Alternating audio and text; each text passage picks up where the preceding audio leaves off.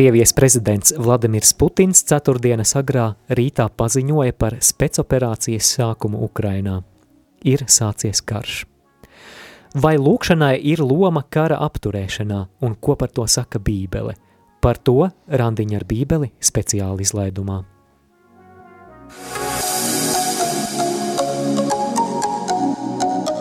Skan randiņš ar Bībeli. Ēterā esmu es Māris Veliks. Un es Olga Dādeka. Parasti normālos apstākļos šajā raidījumā mēs studējam svētos rakstus, ejot pakāpeniski cauri Mateja evaņģēlijam. Arī šajā ceturtdienā, ne šajā piekdienā, Piekdiena. jā, piekdienā un sajuka dienas, bija plānots raidījums par Mateja evaņģēlija 17. nodaļu, kurā mēs lasītu ļoti skaistu stāstu par Jēzus apskaidrošanos. Tomēr vakardienas dramatiskie notikumi un tas, kas notiek šodien, lika mainīt plānus. Tā ka šodien mēs piedāvājam mīļie Radio Marija Latvija klausītāji un tie, kas mūs skatās gan YouTube kanālā Radio Marija Latvija tiešraides vai arī Facebook lapā Randiņš ar bībeli, mēs piedāvājam jums speciālu izlaidumu, kā reakciju uz karu Ukrainā. Šoreiz mēs runāsim par lūkšanas lomu krīzes situācijā. Ko Bībele saka par lūkšanas spēku brīžos, kad ir grūti. Un tas, kas šobrīd notiek, liek arī mums vairāk aizdomāties par to, ko mēs kā kristieši varam darīt un vai vispār mūsu lūkšanai ir jēga. Tieši tā mēs skatīsimies kādus bībeles piemērus, kur tautu lūkšana uh, varēja mainīt kaut ko uh, vēsture, uh, kaut kādus not, not, notikumos, kā arī apstādināt karus.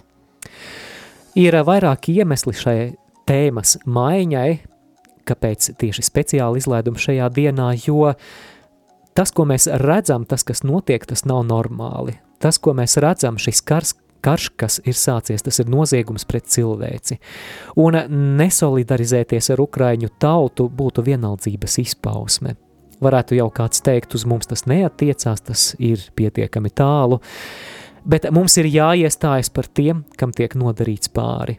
Karš ir kliedzošs noziegums pret cilvēci, un mēs kā kristieši nedrīkstam klusēt. Šajā kontekstā, jā, man prāta nāk šī rakstu vieta no efiziešiem uh, seši, kā patiesībā, kā mūsu cīņa nav pret, uh, pret tā, tūlīt nolasīšu, atradīšu, jā, uh, jo ne pret miesu un asini mums jācinās, bet pret valdībām un varam šīs tumsības pasaules valdniekiem un pret ļauniem gariem pasaules telpa. Līdz ar to mūsu lūkšana ir ļoti, ļoti vitālis, vitāli svarīga, jo mēs patiesība kā kristieši mums jāsaprot, mēs nelūdzamies pret kādiem konkrētiem cilvēkiem, bet visam pamatā mēs lūdzamies, lai atkāpjas tumsa, lai atkāpjas uh, tumsības spēki, bet tajā paša laika, man liekas, lūdzoties, mums ir tā laba vēsts, laba, laba ziņa, ka mums ir dota, dota visa autoritāte arī lūgt par, par šo lietu, un atsaucoties atkal, es jau es jau sāku, laikam, ne, nedaudz no bībeles kaut ko citēta, ja? un ja mēs uh, lāsam, uh, kādai jā, jābūt mūsu lūkšanai, tad pirmkārt mēs lāsam, ka Efeziešu vēstule pirmā nodaļa, kā patiesībā uh, tēvs, uh, te, Dievs, uh, uzmodināms Jēzu no miruņam un sēdinātams pie savas labas rokas debesīs, augstāk par ikvienu valdību, vāru, spēku, kuncību un ikvienu vārdu, kas tiek minēts vai no šī laika vai nākamajā. Tātad, jā, mēs cīnāmies pret tumsu, pret uh, tumsas vāru valdībam, bet ja zem Jēzus kājam tēvs ir nolicis visas tas varas un valdības, un vēl pat vairāk, ka viņš mūs, jau citēšu no efiziešu, no efi, vestules efiziešu otras nodaļas, viņš mūs kristiešus līdz ar Kristu ir augšam celis un līdz ar viņu sēdinājis debesīs Jēzu Kristu. Tā kā, kā mistiski Jēzus ir katra no mums, tad arī mēs mistiski ja esam Jēzu pie tēva labas rokas, līdz ar to arī visas tas tumsības valdības varas ir zem mūsu kājām. Man liekas, ka, jā, e, lūdzatas par šo lietu, jā, mēs brīžam arī nāk tāds, nu, godīgi, e, panika vai kā, ka es lūdzos, tā kā būdama maza, tāda niecīga, bet kad es atceros, ka patiesība esmu līdz ar Jēzu sēdinātu pie tēva labas rokas, es apzinos, wow, es esmu jau mistiski Jēzu Kristu pie tēva labas rokas debesīs, un tad es ticu uh, vairāk tā ir lūkšana, patiesība, bet tas dot man kaut kādu lielāku iedrošinājumu uh, tam ticības spēkam, un patiesība. Mēs šodien mēģināsim iedrošināt klausītājus, rādījām arī klausītājus, nekrist varbūt eh, panika, izmisuma, bet apzināties patiesība, cik liela nozeme ir lūkšanai, un ka tas ir visu pamats, un mēs daudz, daudz ko varam izlūgt, lielus brīnumus, un mēs mēģināsim arī izējot no bībeles šodien iedrošināt to darīt un nebaidīties un lūgt ar autoritāti. Jā, lai šīs dienas randiņa ar bībeli speciāli izlaidums patiešām ir uh, iedrošinājums noticēt lūkšanas spēkam. Lūdziet, un jūs saņemsiet, meklējiet, un jūs atradīsiet, klauvējiet, un jums tiks atvērts, saka Jēzus Mateja evaņģēlija 5. nodaļā. Mums ir jāpamostas kā kristiešiem, un Bībelē un baznīcas vēsturē ir daudzi gadījumi, kad dedzīga lūkšana maina situācijas arī globāli. Tādēļ mēs meklēsim šoreiz raidījumā, kas Bībelē ir rakstīts par lūkšanas spēku krīzes apstākļos, un otrā lieta mēs arī reāli praktiski lūksim par mieru Ukrainā. Tādēļ mēs arī aicinām klausītājus iesaistīties ēterā. Jūs droši varat mūs pārtraukt jebkurā brīdī, piezvanīt uz ēteru vai uzrakstīt īziņu, un saviem vārdiem aizlūdziet par Ukrainu, aizlūdziet par mieru ar Ukrainu, varat savu lūkšanu arī ar kādu pātaru noslēgt tas jūsu ziņā, bet šis būs pilnīgi citāda formāta raidījums, tāds brīvais ēters, kurā mēs pa starpam ar Olgu arī tad izskatīsim vairākas svarīgas rakstu vietas, kas var stiprināt mūsu ticību lūkšanas spēkam, bet droši, droši iesaistieties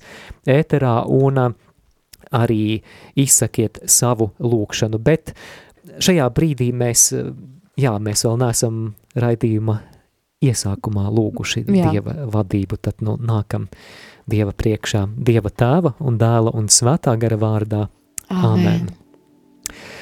Kungs Dievs, svētais gars atjauno mūsu ticību lūkšanas spēkam un palīdzi mums kļūt par atbildīgiem lūdzējiem par mieru Ukrainā un par mieru pasaulē. To mēs lūdzam Jēzus Kristus vārdā. Āmen. Amen. Dieva tēva un dēla un svētā gara vārdā. Āmen. Amen.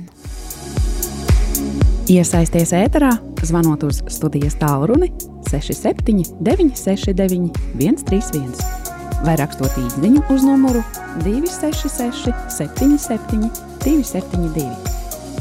Izmanto arī e-pasta iespēju Studija at rml.lv.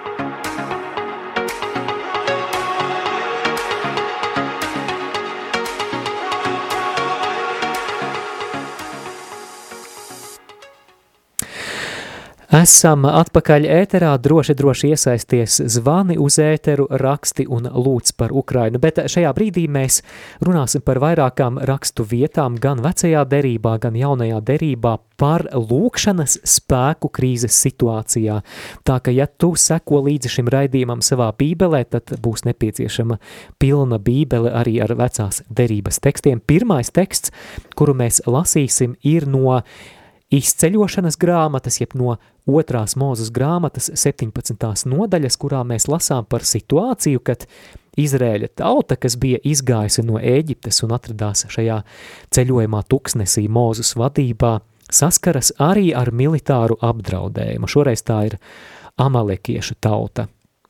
Tad es nolasīšu no šīs vietas, tād otram mūzes grāmata, izceļošanas grāmata, 17. nodaļa, no 8. panta līdz 11. Un Ameleks nāca un karoja ar Izraēlu pie uh, Refidīmas, tad Mūzes sacīja uz Jozu, izraugiem mums vīrus un izēja cīņa pret Ameleku. Rīt es nostāšos kalna gala, un Dieva zizlis būs manā roka. Un Jozo darīja, kā Mūzes viņam bija sacījis, un cīnies ar Ameleku, bet Mūzes, Ārons un Hūrs uzkāpa kalna galā un notika, kamēr Mūzes savu roku turēja paceltu, Īsraels ņēma virsroku, bet, kad Mūzes savu roku nolaida, virs, virsroku ņēma Amaleks. Jā, šeit arī neliels komentārs. Mūzes paceltās rokas kara apstākļos ar amalekiešiem ir lūkšanas simbols. Un interesanti, ka šeit ir sakarība. Izraels gūst šajā kaujā virsroku, tad, kad ir lūkšanas aizmugure. Un turpinām lasīt 12. pantu. Kad mūzam rokas kļuva smagas, tad viņa paņēma akmeni un nolika to zem viņa, un viņš uz tā sēdēja, bet Ārons un Hūrs atbalstīja viņa rokas, viens no vienas, otrs no otras puses, un tā viņa rokas palika stingras, kamēr saule nogāja. Un Jozo sakāva Amalēku un viņa tauta ar zobena asmeni. Jā, šis ir stāsts par militāru uzvaru, tātad izrēliešu tauta Jozos vadībā gūst pārsvaru pār amelikiešiem un viņus uzvar, bet interesanti, ka tā ir ne tikai militāra uzvara, bet ņemot vērā šo lūkšanas faktoru šajā cīņā, tā ir arī garīga uzvara. Jā, un uh, jā, man liekas, tā tie vārdi iedrošinā, iedrošina arī mūsu lūgt un patiesība garīgi pārcelt, izstiep savas rokas uh, Ukrainas virziena un, un uh, pasludināt Jēzu, ta, ka tava roka ir par, par šo situāciju. Man liekas, tāds, tas ir mūsu aicinājums tā arī, garīgi Jā. pacelt rokas. Nu pat lasītais stāsts no izceļošanas grāmatas ir ilustrācija kādai tēzē, kuru vēlamies arī izcelt, proti, ka neatlaidīga lūkšana ietekmē apstākļus, un manuprāt šeit svarīgs atslēgas vārds ir neatlaidīga lūkšana, jo pievērsiet uzmanību, ka Mūzus šeit nerīko kādu 40 minūtes garu svētbrīdi vai kaut ko tam līdzīgu. Šeit ir runa par pastāvīgu lūkšanu līdz izlaušanās brīdim interesants moments arī, ka mm. ik pa brīdim mauzum pagurst rokas, un manuprāt, te arī ir interesanta doma par to, kā... Par to, kā patiesība vienam grūti lūgt vienam pašam, varbūt tu zaudi ticību, varbūt tev liekas, nu nav jau jēgas, jā, bet grūti pagurti, man liekas, tie varbūt, kas īpaši lūdzas kādu garu novēnu, tad iestājas kāda krīze, un lai to atrisinātu, uh, ko, ko darīt, meklē, meklē tos cilvēkus, ar ko kopā lūgt patiesība. Varbūt vienam, iesta, vienam iestājas krīze, ticība vairs netic, ir noguris, bet otram tajā brīdī būs tas spēks, lai tevi atbalstītu. Un man liekas, jā, mēs varam lūgties katrs savas mājas pa vienam, bet uh, vēl lielāks spēks būtu, protams, mēs viens otru atbalstītu, ja mēs kopā lūgtos. Un arī tad, ja mēs katrs savā individuālajā lūkšanas laikā, šajā laikā īpaši iestājamies par lūkšanu mieru, iestājamies lūkšanā par mieru Ukrainā, tad eh, izveidojas kā tāda lūkšanu ķēdīte, mēs viens otru papildinām, mēs viens otru tādā veidā atbalstām. Jā, bet tā pirmā tēze ir tā, ka neatlaidīga lūkšana ietekmē apstākļus.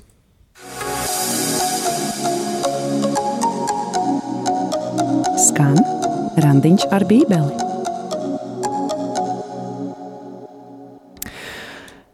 Vēl viens interesants un pamācošs stāsts par neatlaidīgas lūkšanas spēku ir atrodams arī pravieša Jonas grāmatā, un es domāju, ka lielākajai daļai pravietis Jona, kā tev šķiet, ar ko saistās? Ar zivi, ar to Jā, vāli. Mm -hmm. Patiešām pravieti Jonu Dievs sūta uz Ninīves pilsētu, lai Jonas sludinātu Ninīvei iznīcību. Ninīves grēki ir uzkrājušies tik tālu, ka viņi ir pelnījuši iznīcību, un saīsinot to stāstu, mēs zinām, ka Jona bēg no Dieva, bet viņu norītā lielā zivs un izspļauj krastā, un Jonam galu galā, gribot negribot, ir jāiet uz Ninīvi, un viņš iet pa Ninīves ielām, un jaunas grāmatas trešajā nodaļā mēs lasām, Tātad no 4. līdz 10. pantam Jona iesāka staigāt pa pilsētu un paveic veselas dienas gājumu, viņš sludināja un teica – vēl tikai 40 dienas, tad Nīneve tiks galīgi nopostīta. Tad Nīneves ļaudis rada ticība, ļaudīs rada ticība Dievam. Viņi izsludināja gāvēni, un liels un maz uzvilka mugura maisu. Un kad eh, tas eh, kļuva zināms Nineves ķēniņam, viņš uzcēlas no sava troņa, novilka savu purpuru, ieterpēs uh, savu miesa maisa drānas, sajozas un apsēdas pelnos. Tad viņš lika Ninivē ar uzsaukumu zināmu darīt. Pēc ķēniņa un augstāko varas nesēju pavēles stāja spēka šāds rīkojums. Ne cilvēki, ne lopi, ne vērši, ne avis nedrīkst nekādu ēdienu, nec ēdamo baudīt. Lopus nedrīkst dzīt ganos, nec arī viņus dzirdit ar ūdeni, bet cilvēki un lopi, lai tērpjas maisu drānas, un, un lai jo gauža piesauc Dievu, un lai viens atgriežas no sava ļauna ceļa un no varas darba, ko tas ar savam rokam dara. Uh, kas gan, lai zina, varbūt Dievam paliek uh, mūsu žēl, un viņš ļaujas novēr sevi no savam bargajam dusmam, tā ka mēs nepazūdam. Un kad Dievs redzēja viņa darbus, redzēja, ka viņi atgriezušies no sava ļauna ceļa, tad viņam kļuva žēl tā ļaunuma, ko viņš bija teicies viņam nodarīt, un viņš viņam to nenodarīja. Jā, šis stāsts par ninīviešu izglābšanos ir stāsts par to, ka posts var tikt novērsts caur visas tautas lūkšanu mobilizāciju, un mēs redzam, ka šeit ir ne tikai dedzīga intensīva, pastāvīga, neatlaidīga lūkšana, bet ka to pavada arī gavēnis un arī grēku nožēla atgriešanās. Un, manuprāt, šis stāsts mums ļauj arī definēt tādu tēzi, ka krīzē ir ļoti svarīga visas tautas maksimāla mobilizācija lūkšanā. Un Un mēs visi kā brāļi, māsas Kristu, un neatkarīgi no tā, kur mēs esam Latvijā vai Ukrainā, šajā brīdī esam aicināti mobilizēties lūkšanā par šo ļoti dramatisko situāciju pasaulē, bet mēs pēc brīža atgriezīsimies ēterā, laiks noklausīties kādu lūkšanu ukraiņu valodā, un mēs atgādinām klausītāji, ka, ka šajā ēterā mēs aicinām aktīvi, aktīvi iesaistīties ar savu lūkšanu par Ukrainu. Droši, droši zvaniet, jebkurā brīdī izsakiet lūkšanu ēterā un, un uh, numurs studijā ir 67 969 131. Змінюється все навколо, та тільки Бог, Господь святий, не змінюється він ніколи. Одну хвилину може він змінити все в нашій країні, Господь благаємо тебе, даруй спасіння Україні, Боже Україну збережи, Господи, помилуй грішних, змилися над нами і прости.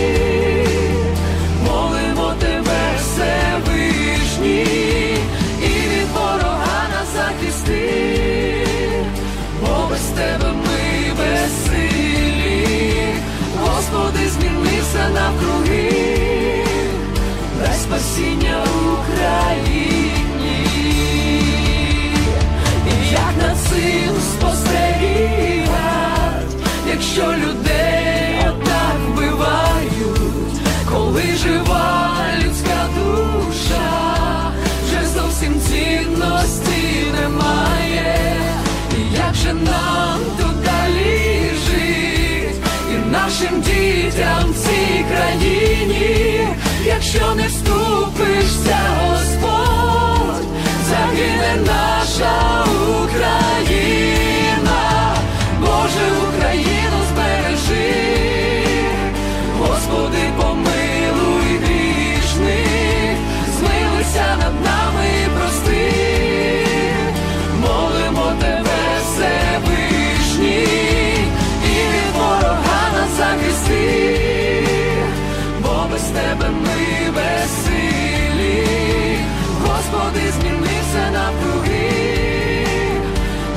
Спасіння Україні. Боже, Україну збережи, Господи, помилуй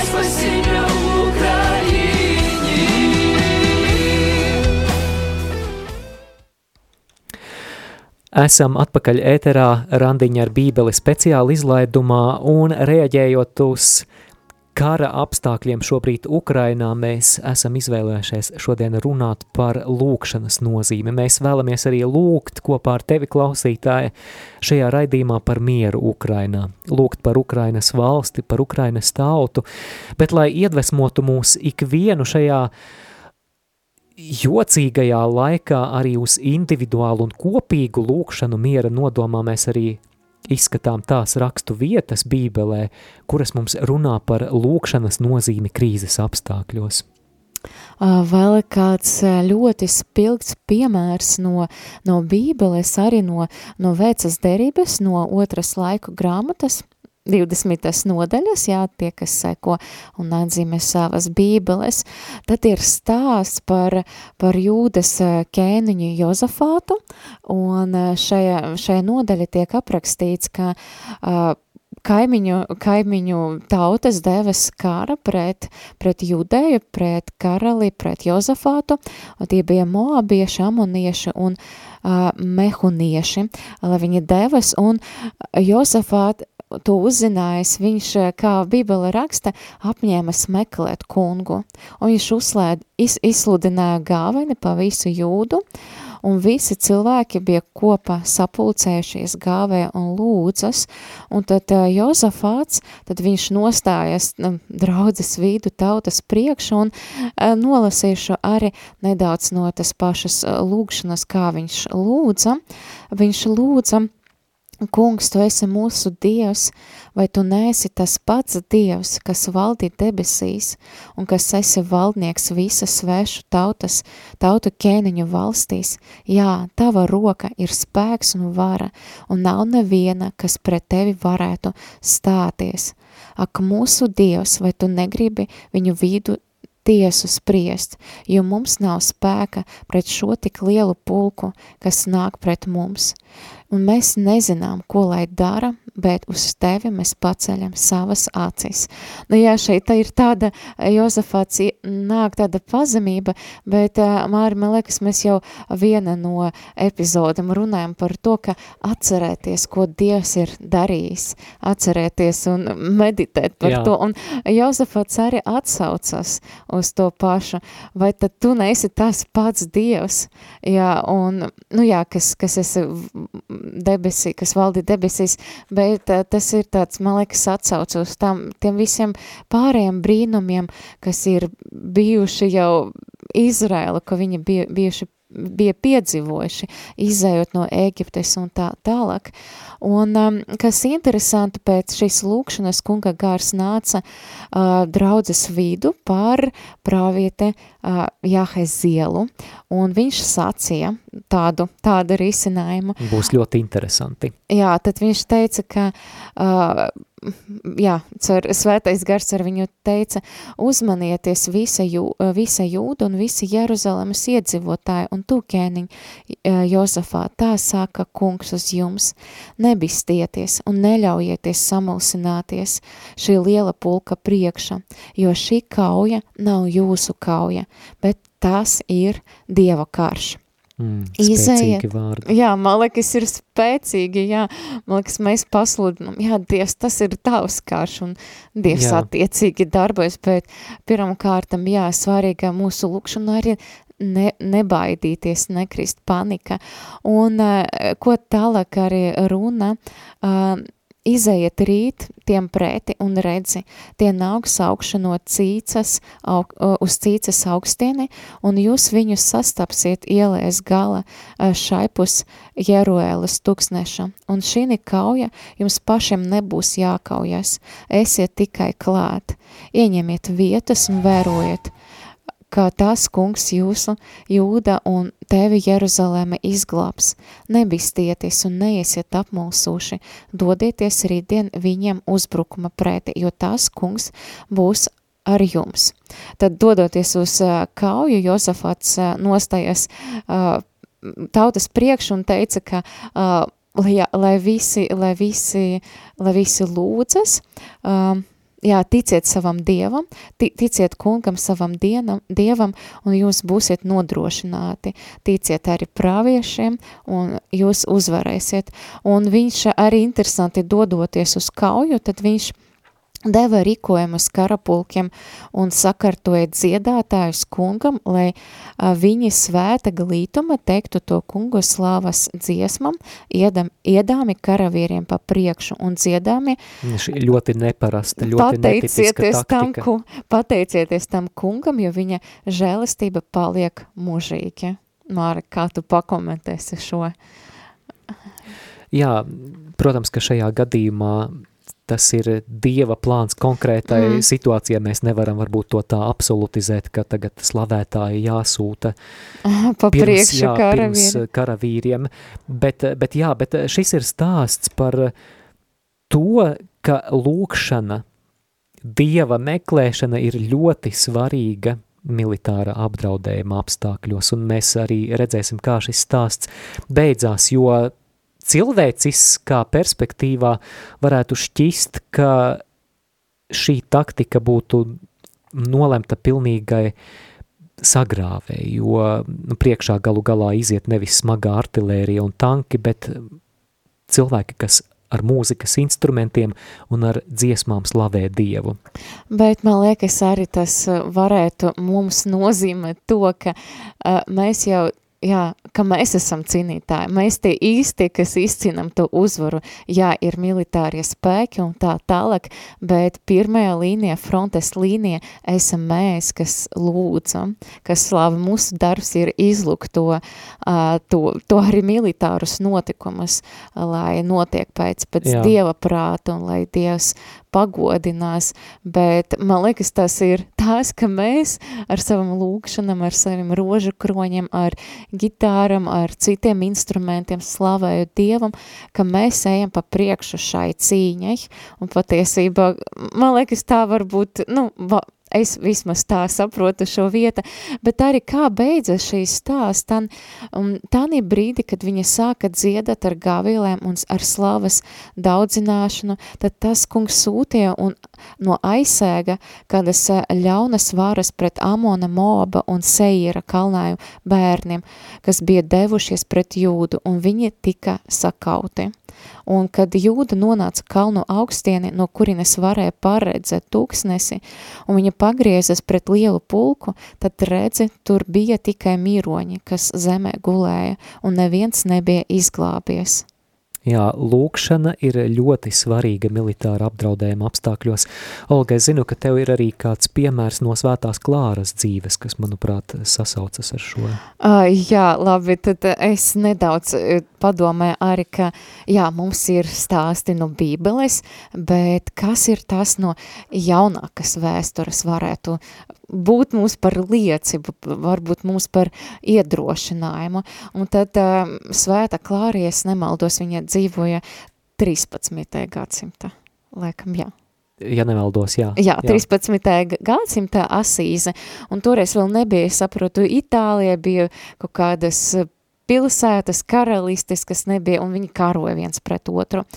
Un, jā, tad bija gadījums, kad pret asīzi uh, devas uzbrukuma kāda, kāda pilsēta, kāda, kā, kāda armija, un svēta Klara apstādina, ar ko viņa apstādināja, ar lūkšanu, un kad uh, iebrucēji gribēja uzbrukt asīzei, uh, pirmais čērslis viņam bija klosteris, un Klāra tajā, tajā brīdī viņa bija diezgan jau slima, viņa gulēja uz gultas, un kad viņa uzzināja, ka šie karavīri ir pie klostera, jau ar, ar, ar trepam mēģina brukt virsu klosteriem, tad uh, viņa cēlas no slimības gultas, viņa paņēma monstrāci, un, un viņa izlika to pa logu, un kad tie karavīri ieraudzīja to monstrāci, viņa atkāpas un aizbēga, viņa laikam nokrita no tam visam trēpam, ko viņi, ko viņi bija uzcēluši, un, bet Klāra, viņa arī turpināja lūgties par visu pilsētu, jo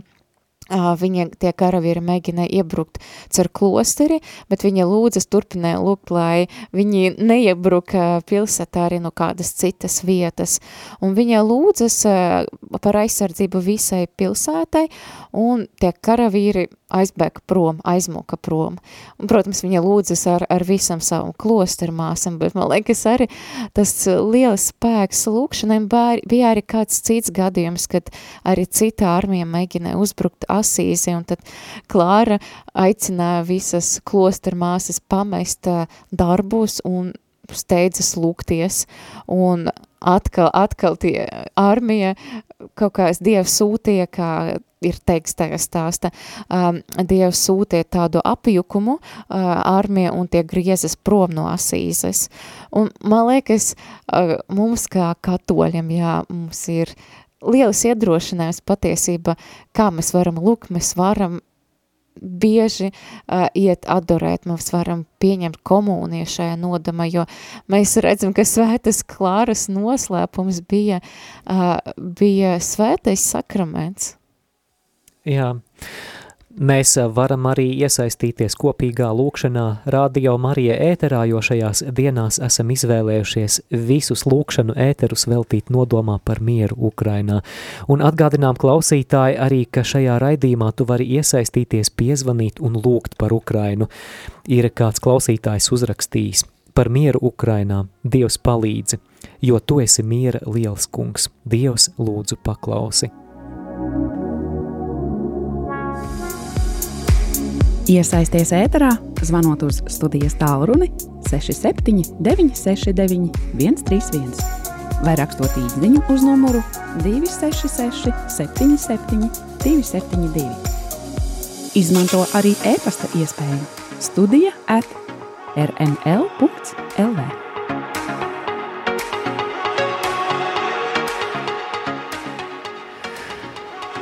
Nu pat mēs arī atsaucoties uz eh, vecās derības rakstu vietām runājām par to, ka lūkšana var būt ļoti svarīga militāra apdraudējuma apstākļos, un man nāk prātā vēl viens stāsts no vecās derības. Ja seko klausītāji savā bībelē līdzi, tad vari uzšķirt otro laiku grāmatu, 14. nodaļu mēs lasīsim gan no 14. nodaļas un 16. nodaļas, tātad otrā laiku grāmata – Sāksim ar 14. nodaļu, un šeit ir stāsts par Izrēļa tautas ķēniņu āsu. Un eh, bija tāda situācija, ka Jūdas valstī, tur, kur ir Jeruzaleme, uzbruka kūšieši Zeraha vadībā, un mēs lasām otrajā laiku grāmatā 14.10. Āsa piesauca kungu savu dievu un sacīja, kungs neviens nav kā tu, kas tā palīdz vājam pret stipru. Palīdzi mums, kungs, mūsu dievs, jo tu mūsu balsts. Tavā vārdā mēs ejam pret šo pulku. Kungs, tu mūsu dievs, nav cilvēka, kas tevi noturētu. Un tālāk mēs lasām par rezultātu, ka šai lūkšanai ir seko arī atbilde. Tad kungs sita kūšiešus, un kūšieši bēga no āsas un jūdiem. Tātad lūkšana var būt ļoti svarīga militāra apdraudējuma apstākļos. To mēs šajā raidījumā sludinām, lai iedvesmotu mūs šajā, šajās dienās, kad tik daudz kas izšķiras Ukrainā, būt dedzīgiem lūkšanā par Ukrainu. Lūgties vairāk nekā, nekā varbūt mēs ikdienā to esam pieraduši darīt. Bet interesanti, turpinot par ķēniņu āsu, tālāk mēs lasām, ka jau daudzi gadi ir pagājuši, tad āsa piedzīvo līdzīgu situāciju. Atkal valsts piedzīvo militāru apdraudējumu, un šoreiz Jūdas valstī draud Izrēla valsts. Tātad ebreji bija sašķēlušies divās valstīs, un tad Jūdas valstī, kur ir Jeruzaleme, tad ziemeļu valsts Izrēla grib uzbrukt. Pievērsiet uzmanību, kā šoreiz rīkojas ķēniņš āsa. Interesanti, ka šoreiz vairs nav nevārda par lūkšanu. Šoreiz ķēniņa māsam ir savs projekts, sava schēma padomā, un viņš no kunga nama ņem sudrabu un zeltu un pienes to kā samaksu ārāmas ķēniņam, lai dabūtu viņu savā pusē, tātad, lai izveidotu militāru savienību pret militāro agresoru. Un tad eh, pie ķēniņa āsas atnāk pravietis Hānāni un saka, mēs to lasām otrajā laiku grāmatā 16. nodaļā, varbūt Olga var izlasīt no 7. līdz 9. pantam. Ā, tad nolasīšu. Tu paļāvies un arāmas, uz arāmas ķēniņu, tu nepaļāvies uz kungu savu dievu, vai kūsi, kūšiešiem un lū, lūbiešiem nebija milzīgs karaspēks ar daudziem karu, kararātiem un jātniekiem, taču, kad tu paļāvies uz kungu, viņš tos nodeva tev. Kungs noraugas, pārlūkodams, ir visas pārlūko, pārlūkodams visas zemes, viņš stiprina sirdi tiem, kas viņam uzticās. Aplami tu esi darījis, kopš šī laika nerims kāri ap tevi. Jā, interesanti, ka ķēniņš āsa saņem pārmetumu par to, ka viņš paļāvās uz arāmas ķēniņu, bet nepaļāvās uz kungu. Un, manuprāt, šis stāsts šodien var būt aktuāls tajā ziņā, ka Militāra apdraudējuma apstākļos, protams, mēs eh, varam runāt par kādām drošības sistēmām, par militārām aliansēm, par NATO un tā tālāk, un, un tas, tas, tas ir labi, tas nav nekas slikts, bet jautājums ir, vai šajā bildē mēs redzam Dievu. Tātad, vai mēs redzam tikai cilvēciskus risinājumus, vai mēs paļaujamies tikai uz cilvēciskiem, cilvēcis, cilvēciskām drošības sistēmām, vai arī mēs ieaicinām šajā situācijā Dievu. Tātad militāra apdraudējuma apstākļos ir svarīga paļāvība uz Dievu un ne tikai cilvēciskām drošības sistēmām, bet laiks vēl kādai lūkšanai par Ukrainu. Ukraiņu valodā noklausīsimies vēl kādu dziesmu un jā, kaut kā neviens negrib lūgties. Droši, droši, droši vien visi lūdzas. Cerams. Cerams.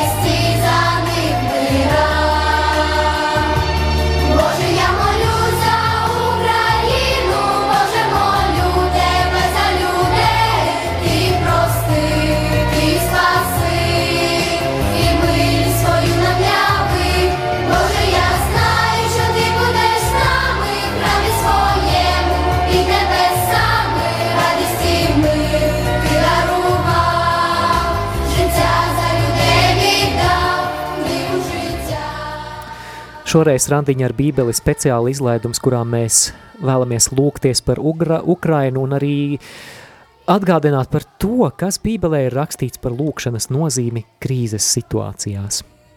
Jā, mēs jau apskatījāmies, apskatījām jau vairākas, vairākas tēmas par to, kāds tomēr ir lūkšana ir spēks un ka patiesība lūkšana ir pat lielāks spēks nekā militāram lietam. Protams, ka Dievam cer, kam mēs lūdzam, ka Dievs iesaistas. Bet... Jā, varbūt vispirms dosim vārdu klausītājiem. Mūs kāds ir sazvanījis, lūdzu. Lūdzu. Lai būs slavēts Jēzus Kristus. Mūžīgi, Mūžīgi mūžam slavēts. Dievs, ticīgo stiprums, uzklausi žēlīgi mūsu lūgšanas par mieru Ukrainā, par Ukrainas ļaudīm, kas cieš. Un tā kā bez tevis neko nespējam, palīdzi mums ar savu žēlsirdību, lai mēs pildot tavus baušļus būtu tev patīkami savās lūk, domās un darbos. Mēs tevi lūdzam mūsu kunga Jēzus Kristus tava dēla vārdā, kas ar tevi dzīvo un valda svētā gara vienībā Dievs visos mūžu mūžos. Āmen. Tēvs mūsu, kas esi debesīs, svētīs, lai top tavs vārds, lai atnāk tava valstība. Tavs prāts, lai notiek kā debesīs, tā arī virs zemes. Mūsu dienišķo maizi dod mums šodien un piedod mums mūsu parādus, kā arī mēs piedodam saviem parādniekiem, un neievet mūsu kārdināšanā, bet atpestī mūs no ļaunā. Āmen. Amen. Un lūksimies par mieru, par mieru Ukrainā. Jā, paldies liels par lūkšanu. Mums ir vēl kāds zvanītājs, lūdzu. Labdien! Jā, lūdzu, jūs esat ēterā. Jā, sveiki. Uh, es vēlētos aizlūgt par Ukrainu. Um, mīļais Dievs, es tev lūdzu, lai, lai Ukraiņa izcīna savu neatkarību, lai Ukraina ir brīva, lai, lai karš beidzās un, un lai Ukraiņi ir brīvi tāpat kā mēs. Mīļais Dievs, palīdz mums, palīdz mums, palīdz Ukraiņiem. Amen. Āmen, Āmen. āmen. Paldies par šo lūkšanu. Jā, droši, mīļo, mīļie klausītāji, droši zvaniet, pārtrauciet mūs, iesaistieties. Mēs, šoreiz mēs priecāsimies. Jā, jo, jo mums, eh, protams, mēs esam arī vairāk kaut ko sagatavojuši par kādām bībeles rakstu vietām, bet tas nav viss šodien arī jāizskata, lai prioritāte ir lūkšana, bet labi, kamēr mēs gaidām klausītāju zvanus, tad uh, vēl kāda rakstu vieta. Vēl kādu rakstu vietu un kāds var piemērs. Un mani arī iedvesmoja uh, Abrahama ticība. Kaut gan mēs varam runāt varbūt, no Abrahams tā ticība bija galvena, ka viņš ticēja Dieva apsolījumam par to, ka viņš būs daudz lielas tautas pēcnācējs, bet man arī fascinē viņa ticība, ka viņš uh, ka Jēzus mūs sauca, nosauca par draugiem, bet arī viņš uh, bija Dievam kā draugs, un patiesība, kad Dievs viņam atklāja nodomu par Sodomu un Gomoru, mēs redzam pirmajā mūzes grāmata, 18. nodaļa, ka Abrahams kaulējas ar Dievu. Jā, tātad Dievs gribēja iznīcināt, iznīcināt Sodomu un Gomoru. Sodomu un Gomoru, un šī, viņš atklāja to nodomu īsi pēc tam, kad viņš deva apsolījumu Abrahamam par to, ka viņš būs daudz lielas tautas tēvs, tad, tad Abrahams griezas pie, pie Dieva un teica, vai tu tiešām gribi iznīcināt taisnu kopā ar bezdievīgu?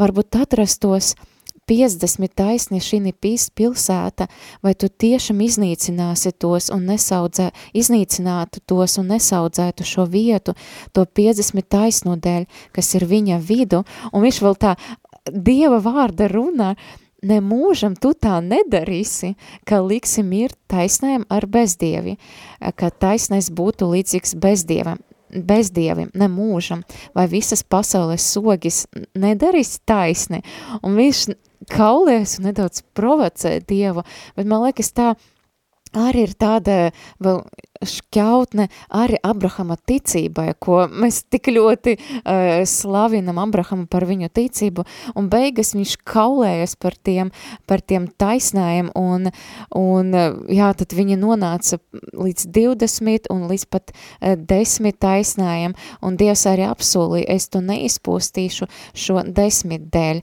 Jā, man liekas, mums arī jāņem piemērs no Abrahama, un nav jābaidās lūgties drosmīgas lūkšanas un arī varbūt tā, dažreiz pat kaulēties, nu, pēdiņas ar Dievu, ka Dievs nemūžam tu tā nedarīs, tu nepieļausi, jā. ka Ukraina kaut kas tāds notiks, jā.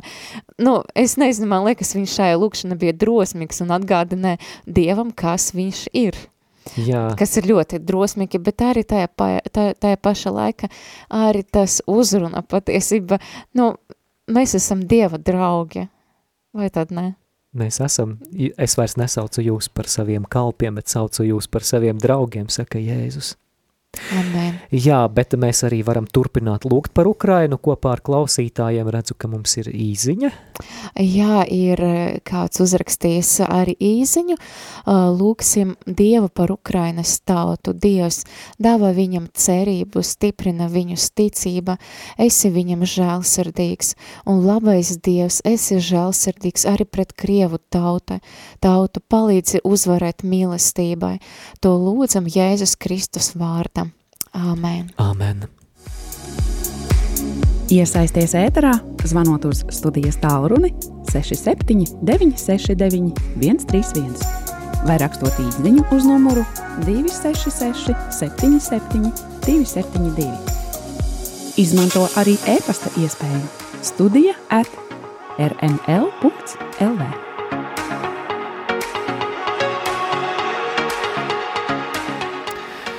Jā, droši iesaisties, lai lūgtu par Ukrainu. Mēs runājam par lūkšanas nozīmi krīzes apstākļos un ko par to saka Bībele. Un vēl viens motīvs, Olga, ko es redzu svētajos rakstos arī, cik svarīgi ir lūgt arī par tiem, kam pieder politiskā vara. Un es vēlos arī tagad nolasīt rakstu vietu no, varbūt es lūkšu tevi, Olga, tātad pirmā Timotejam, otrā nodaļa – no pirmā līdz eh, otrajam pantam. Jā, tātad nolasīšu. Tad no es pamācu tevi vispirms turēt lūkšanas, pielūkšanas, aizlūkšanas, pateicības, lūkšanas par visiem cilvēkiem, par valdniekiem un visiem, kas ir augstā amatā, lai mēs dzīvotu mierīgu un klusu dzīvi visa dievbība un cienība. Jā, tātad kāpēc Pāvils raksta ir jālūdzas par valdniekiem? Lai mēs dzīvotu miera. Jā, lai mēs dzīvotu mierīgu un klusu dzīvi. Un uh, patiešām valdnieku, jeb to cilvēku rokās, kuriem pieder politiskā vara, ir, viņu varā ir noteikt vai būt vai nebūt karam. Un šis ir Dieva iedvesmots vārds, ko mēs lasām. Un eh, ja Dievs saka, ka ja jūs gribat mierīgi un klusi dzīvot, lūdziet par tiem, kam ir politiskā vara. Tātad tā nav kaut kāda formalitāte, tā ir likumsakarība. Tātad lūkšana par politiskajiem vadītājiem miera sakarā. Tātad, lai būtu miers, ir svarīgi lūgties par tiem, kam vara. Jā, man liekas ļoti labs piemērs. Mēs ļoti daudz ko izrunājam, par ko mēs varētu lūgt un par to mūsu nostāju, par to mūsu nostāju Dieva priekšā aizlūkšanas par, par tautam, par lūkšanu, par, par kopīgu lūkšanu, par aizlūkšanu, par paceltam gara roka, rokam, par lūkšanu par, par valdniekiem un tā tālāk, un par to, ka mūsu lūkšana uh, nemītētos, kā, kā, ab, kā ne, Mozam bija, kad viņš bija pacēlis, uh, stāvēja ar paceltam rokam, pēc tam jau sēdēja ar paceltam rokam, kamēr uzvara nebija klāt, kamēr nepanāca uzvaru, un man Es šodien arī gribēju nedaudz kaut kādus gadījumus no jaunākas vēstures papētīt un paskatīties, kādi brīnumi notikuši reāli, kā mainījies uh, pasaules vai arī valstu vēsture pateicoties lūkšanai, un es atradu vairākus tādus stāstus, bet uh, jaunākais no tiem stāstiem bija kāds piemērs no Filipīnam, uh, no Jā, nu pagājušā gadsimta pirms 35 gadiem tas notika 1986. gadā, Un Filipīnas toreiz valdīja diktatora režīms, un patiesība pats diktators ļoti dzīvo ļoti greiznu dzīvi, un tur jau pat smējas, cik greizni viņš dzīvo, viņš un viņa sieva, bet Filipīnas bija bats, bija ļoti liela nabadzība, un tajā laika uh, cilvēki gribēja ievēlēt citu prezidentu, viņu sauca Beningo Aquino, un, bet viņš tika nogalināts, tad viņu nogalināja uh, tie nu, jā, tā esoša prezidenta tie pasūtītie cilvēki, un tad viņa sieva, tā Beningo Akvina, kas bija politiskais arī līderis, opozīcija, un viņa nogalināja, tad viņa sieva, Korija Akvina, kļuva par aktīvu protestētāju pret šo reži, re, režīmu sava vīra vieta. Un, jā, un tad interesanti, ka iedzīvotāji viņa gribēja šo jaunu prezidenti, tomēr jau tā, tā Beningo vieta, un viņi vāca parakstus par referendumu, lai būtu vēlēšanas par jaunu prezidentu. Un, protams, diktators Markos, viņš, jā, viņš sasauca vēlē, vēlēšanas, tauta spieda, piespieda, bet tik un tā viņš tās vēlēšanas sagrozīja, un korumpēta valdība pasludināja viņu par prezidentu. Un, protams, sākas nemieri, tauta izgāja ielas, un viņš, viņš pa, pateica, lai uh, kā pateica, ne, nevis pateica, bet viņš pavēlēja armija arī ar tankiem arī iziet ielas, lai savaldītu tos protestētājus. Un kas bija interesanti, tas arhidiocēzes Manīlas kardināls Sīns aicināja uz miera demonstrācijām katoļus, un katoļi izgāja ārā, arī uz ielam, Un ko dara, darīja tie katoļi? Viņi ielēnca tos tankus un karavīrus apkārt, un viņi lūdzas rožu kroņu. Viņa lūdzas rožu kroņu, viņa slavē Dievu, viņa lūdzas himnas, un, kas, un tajā paša laika notika arī misas dievkalpojumi šajā, šajā nodoma.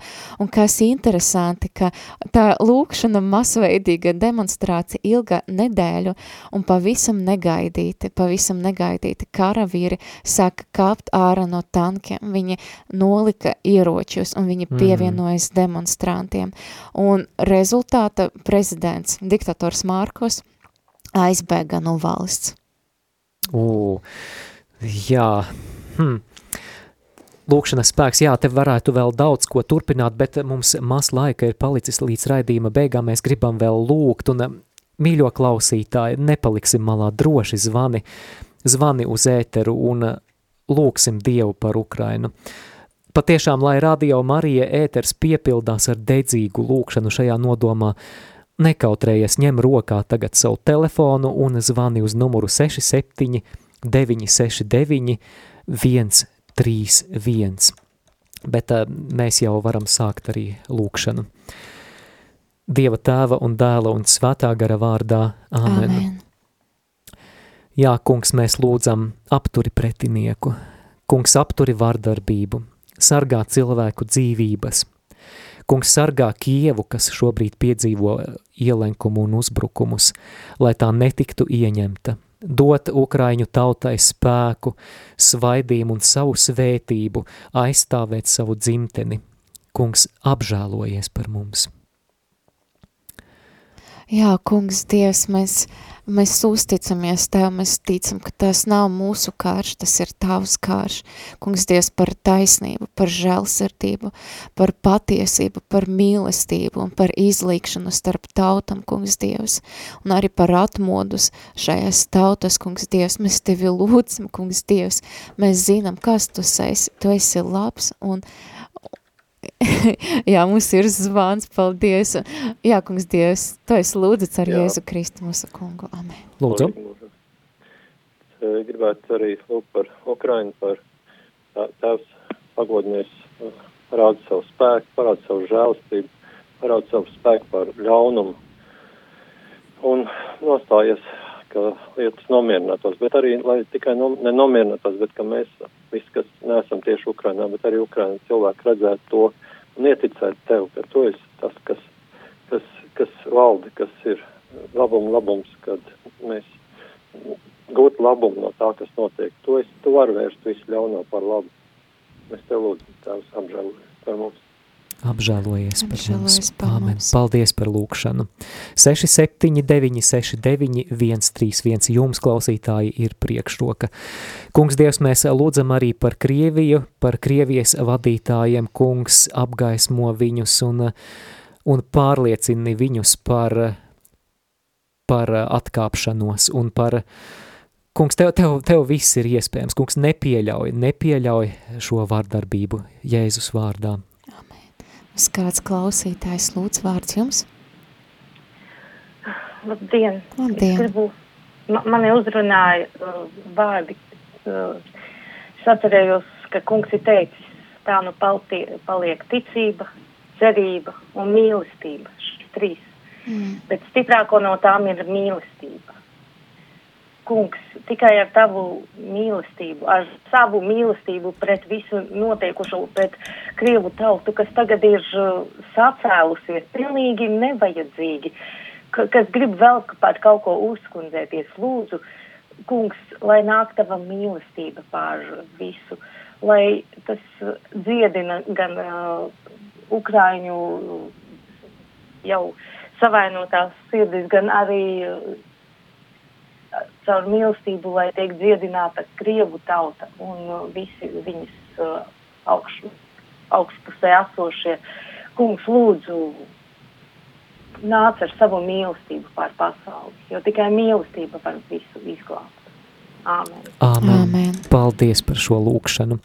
Arī kāds eh, lūgums īziņā, mīļais Dievs, lūdzu neļauj saviem bērniem vieniem pret otriem pacelt ieročus. Lūdzu samierini viņus ticībā, cerībā un mīlestībā. Un arī lūkšana Fatimas dievmāte, dievmāte aicināja Krievi novēlēt viņas bezvainīgai sirdi un lūgties par eh, grēcinieku atgriešanos. Jā, lūdzam arī Fatimas dievmātei aizbildniecību. Mums vēl kāds zvans tikko bija. Jā. Tad, eh, dargie klausītāji, jūs dzirdat uh, mūsu balsi sava klausuli, tad nenome, nenometiet kla- klausuli, tad mēs Jā. esam jūs uh, pacēluši jūsu, jūsu, jūsu telefonu, tad uh, jūsu zvanu, tad palieciet kopā. Jā, kungs, Jēzu, pagodinies. Tu esi kungs pār vēsturi. Dievs, tu esi tas, kas nogās no troņiem augstprātīgos un, pazemini, un, un kas paaugstini pazemīgos. Kungs, es lūdzu iejaucies šajā situācijā, lai tautas nepaceltu roku viena pret otru. Kungs, mēs lūdzam par Ukrainas brīvību, par Ukrainas labklājību, mēs lūdzam arī par Krievijas tautu, par atmodu, mēs lūdzam arī par tiem, kas arī Krievijas pilsētu ielās ir izgājuši, lai protestētu pret karu un iestātos par mieru, un arī viņi tiek vajāti un, un izkliedēti, un arī vakardien vairāk nekā tūkstoši cilvēki arī tika apcietināti šajās demonstrācijās. Kungs, mēs lūdzam par tiem, kas iestājas par mieru. Kungs, lai šī kustība par mieru kļūst ļoti, ļoti masveidīga. Jā, kungs, Dievs, lūdzamies arī par uh, tiem karavīriem, kas tiek sūtīti uz Ukrainu. Kungs, Dievs, uzruna viņu sirdis tiešām uh, nomest ieročus, kungs, Dievs, un nepaklausīt to drosmi un svētu garu gudrību, kā to darīt, kungs, Dievs. Nepaklausiet muļķīgām mm, pavēlēm, to mēs lūdzam Jēzus Kristus vārdā. Vēl kāds zvans, lūdzu? Lūdzu, jūs varat runāt. Halo. Jā, halo. Ah, Es, es vēlētos aizlūgt arī par tiem uh, karavīriem, par visiem arī civiliedzīvotājiem, arī par bērniem, kas ir nogalināti šajā karā. Tās mēs tev lūdzam, apžēlojies, apžēlojies un piedod mums mūsu grēkus. Es lūdzos arī par visiem ukraiņu brāļiem, māsām, uh, ticībā, par katoļiem, par pareizticīgiem. Sūtos dāvā ikvienam grēku no žēl žēlastības, tāpat kā mūsu pašiem un visus šos karēvis, kas ir krītuši par, par savas uh, dzimtenes aizstāvēšanā. Es lūdzos, kungs, ieskait savu svēto pulkā, lai viņas vēseles tiek pieņemtas savā debesu valstībā un dāvā viņam mūžīgu mieru un dāvā mierinājumu arī tām mātēm, kuras ir pazaudējuši savus dēlus. Mēs tevi lūdzam, uzklaus mūsu kungs, mīļā māmiņa, tavā patvērumā steidzamies. Svētā Dieva tantētāja, nenesina mūsu lūgšanas, mūsu vajadzībās, bet izglāb mūsu vienmēr no visām iespējām, tu godināmā svētā jaunava, mūsu valmieci, mūsu vidutāja, mūsu aizbildinātāja. Ieveicina mūs ar savu dēlu, novēli mūsu savam dēlam, stādi mūsu savam dēlam priekšā Lūdzu par mūsu svētā Dieva dzemdētāju. Lai mēs Kristus solījumu cienīgi topam. Paldies, amen. Paldies, un noslēgsim arī ar pēdējo īziņu. Visu varenais žēlsirdīgais Dievs, es tevi pazemīgi lūdzu sūti savu svēto garu pār visiem cilvēkiem, kam ir politiskā vara, un rosini viņus uz grēku nožēlu un uz atgriešanos. Atver viņu sirdis un piepildi tās ar mieru un mīlestību. Jēzus vārdā. Amen. Amen.